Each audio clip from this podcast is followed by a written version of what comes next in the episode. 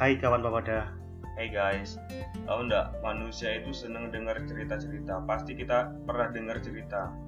Manusia berpikir dalam cerita ketimbang fakta, angka, atau persamaan. Semakin sederhana ceritanya, semakin baik. Mau dengar cerita tentang aljabar, trigonometri? Kayaknya ngebosenin banget. Pasti nggak mau dong. Ya, kita membahas tema besar hari ini yang kita ambil dari tiga buku Yuval Noah Harari yaitu Sapiens, Homo Deus, 21 Lesson atau 21 Adab. Tapi nggak usah protes, kami nggak baca detail seluruh buku itu. Siapa juga sih yang mau baca buku tebel-tebel kayak gitu? Kita nggak seperti yang kalian kira yang jelas. Kita membahas dongeng abad 21. Ya, fiksi abad 21. Apa sih fiksi abad 21? Nanti ada yang tersinggung lagi bahas-bahas fiksi ini. Kalau dari bukunya ya, fiksi adalah produk hasil revolusi otak kognitif manusia. Karena manusia yang bisa bikin jejalin cerita fiksi untuk mempersatukan umat manusia. Bu- Kalau beruang lah nggak bisa membual ada beruang langit yang menghasilkan petir dengan palunya. Hanya manusia yang bisa terpesona nonton palu Thor di Avenger Endgames. Tapi kan rasi bintang Ursa Mayor itu artinya beruang anjir. Kok bisa kebetulan ya? iya, emang fiksi besar seperti apa sih yang dapat mempersatukan manusia-manusia ini? Ya kita mulai dari fiksi kebebasan humanis gitu kan, emas jadi kertas, tenaga kerja asing, sampai fiksi orang lain harus kafir supaya kita bisa jadi benar. Ya ngapain juga kita ngafir-ngafirin orang kalau kita bisa ngafirin diri kita sendiri. ya, kenapa kebebasan humanis itu fiksi? Bukankah kita manusia itu real atau nyata? nyatanya sih, nyatanya sih humanisme di depan situasi hari ini menjadi fiksi yang dipertanyakan signifikansinya. Nggak konspirasinya aja sekalian, humanisme, Illuminati, satanisme, segitiga. Gak kepikiran gue ke situ. Eh, situasi apa sih yang bikin kita mempertanyakan signifikansi kemanusiaan itu? Ada banyak sebenarnya. Karena apa yang kita optimiskan di masa lalu, ternyata di masa ini kita nggak mendapatkannya, yaitu seperti perlambatan ekonomi, kemajuan teknologi, kecerdasan buatan, dan keruntuhan ekologis yang pasti. Ini pasti gara-gara negara api menyerang ya. Ini menariknya kalau kita bicara tentang keruntuhan ekologis. Kita sudah pernah bahas di feed Instagram kita. Sil- Silakan scroll saja. Bumi sudah pernah kiamat selama berkali-kali. Biasanya karena tabrakan dengan meteor, gunung meletus, gempa lempeng tektonik, atau zaman es. Tapi itu terjadi setiap ratusan juta tahun sekali. Dengan adanya manusia, apalagi eksploitasi karbon besar-besarannya lewat minyak bumi, batu bara, itu malah dapat menginisiasi kiamat jauh lebih cepat, menjadi puluhan ribu tahun saja dibanding ratusan juta tahun. Lamaan kalau bisa besok udah langsung kiamat lebaran dong sudah. kita kalau kayak gitu. Langsung besok aja sudah. Apa sih yang lebih parah daripada itu sih bro? Selain ekologis ya, fiksi kemanusiaan sendiri sebenarnya ada dalam berbagai bentuk ya. Dan dahulu kita berperang siapa yang lebih benar. Ya, ada tiga humanisme yang dibahas di Yuval Noah, Noah Harari ini, yaitu humanisme liberal, humanisme sosialis, dan juga humanisme evolusioner dalam ini fasisme ya. Mana saya tahu, saya kan tidak tahu. Sini contohnya ini kisah-kisah yang dijabarkan Yuval. Kalau kisah liberal tuh memberi solusi setiap orang itu harus kita beri banyak kebebasan. Eh, orang suruh kita belajar berpikir bukan dari kitab suci tapi dari mereka sendiri untuk diri mereka sendiri dan mengikuti kata hati mereka sendiri. Ini kita bisa lihat di film-film Hollywood mungkin ya seperti kayak eh, Hunger Game, apalagi Divergent atau mungkin apa yang Ultraman, apa yang baru ini sekarang Aladdin, gitu kan Aladdin. kalau siapa pun yang menggunakan kata dirinya sendiri dia pasti akan menang selalu lakon-lakon seperti itu yang dibahas di Hollywood termasuk kebebasan untuk mikirin dia yang nggak mikirin kita gitu ya. iya itu Ya. kasihan banget itu Bebas bebas tersakiti. Kalau sosialisme itu gimana dia? Sosialisme itu dia kayak gini loh, mendengarkan kata hati aja kita nggak cukup. Kan kita hidup dalam society nih, kita hidup sama orang. Kadang kata hati aja kita bisa berseberangan dengan orang lain gitu, karena tiap orang kan punya kepentingannya sendiri-sendiri.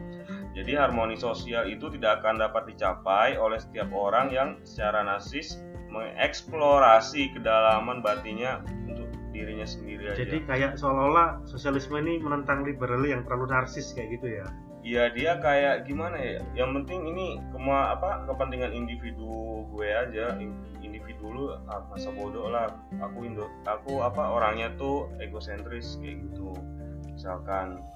Jadi kalau eh, sesuai dengan yang kita omongin tadi kalau dengerin kata tetangga itu pasti bener ya iya bener-bener ndak enak maksudnya.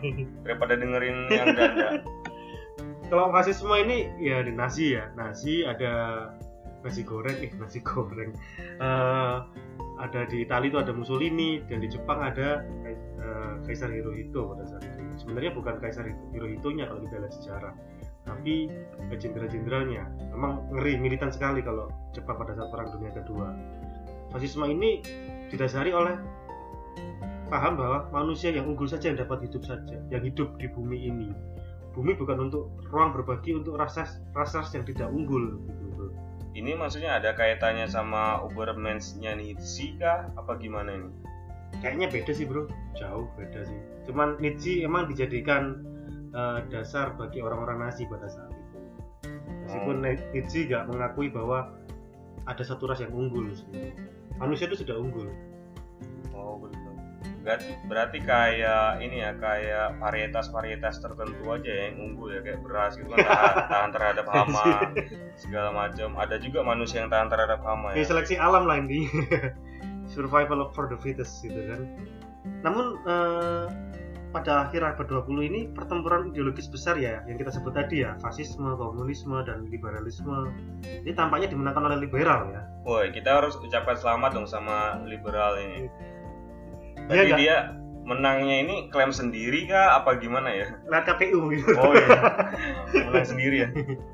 namun liberalisme saat ini justru memicu relasi kuasa yang membingungkan makanya banyak orang bingung kalau tidak bikin panik manusia malahan Jadi dua kunci masalah liberalisme sekarang terpilihnya Donald Trump sama Brexit. Wah Ya. itu gimana itu? itu bingung kalau kita dibarengi dengan panik itu ibarat generasi tanpa micin Wah, hambar dong. Ya kita bahas ya masalah eh, Donald Trump ya. Dan eh, masalah kebebasan pasar terutama perang dagangnya itu kebebasan pasar dan perdagangan selain membuat kemanusiaan dihadapkan oleh kiamat ekologis yang kita sebut tadi ya bro ya. Namun juga di persaingan tiada akhir negara maju yang nggak bisa move on bahwa era disrupsi begini mereka nggak mereka bisa ketinggalan kereta sebenarnya. Penguasa kapitalis adalah raja komunis pada saat ini yaitu Republik Tiongkok. iya Dalam artian cara politis ya sosial sosialisnya ya. Iya. Tapi ya secara ekonomi ya tetap kapitalis juga. Amerika Serikat merasa perdagangan bebas yang ia inisiasi sekarang dikadali oleh Tiongkok. Tiongkok mah enak gak punya hukum hak cipta. Semua produk Cina ditirunya. Semua produk ditiru Cina maksudnya. Lalu Made in dijual China gitu ya. Iya, made in China. Lalu dijual dengan harga jauh lebih murah kayak Xiaomi apalagi sih? Sekarang Eh, Realme, Oppo. Huawei apalagi sekarang Oh. Huawei ya sekarang ya. Sehingga jadi penguasa perdagangan empat penjuru mata angin. Anjir. Wih, udah gitu menguasai pengen menguasai kitab suci juga lagi Cina itu. Dia ngirim biksu tong ke barat itu buat nyari kitab Cepatnya suci. di bawah nggak? Oh, iya. lah aneh nih Amerika Serikat da- Amerika Serikat sendiri dari raja perdagangan yang bebas malah jadi raja proteksi perdagangan terus ada lagi yaitu keluarnya Britain dengan Britania Raya dari Uni Eropa dan masalah pengungsi menunjukkan bahwa manusia krisis kepercayaan terhadap liberalisme saat ini itu menurut Yuval semua pada takut membuka diri takut gak kebagian jatah kue yang semakin menipis di bumi ini bumi tempat kita tinggal seperti kapal ruang angkasa yang sedang sekarat sekarang ini.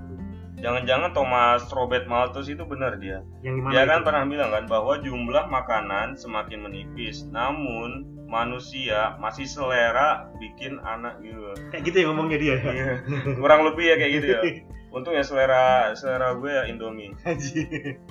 Tapi ketika Malthus menakut-nakuti masalah kelaparan ini justru yang kita takutkan bukan kelaparan tapi kehilangan eksistensi sebagai manusia anjir Loh, kok bisa itu? kata Yuval sih ya yang dia kritisi adalah ke- kecerdasan manusia buatan artificial intelligence IA ya kecerdasan manusia yang membuat manusia istimewa di bumi ini takutkan segera digantikan dengan mesin pembelajar Learning machine itu. ya maksudnya. learning mesin yang buatan IBM itu yang bisa mengalahkan Gary Kasparov pada tahun 97 gue masih umur berapa ya? masih kelas 5 SD Gue masih kecil dong.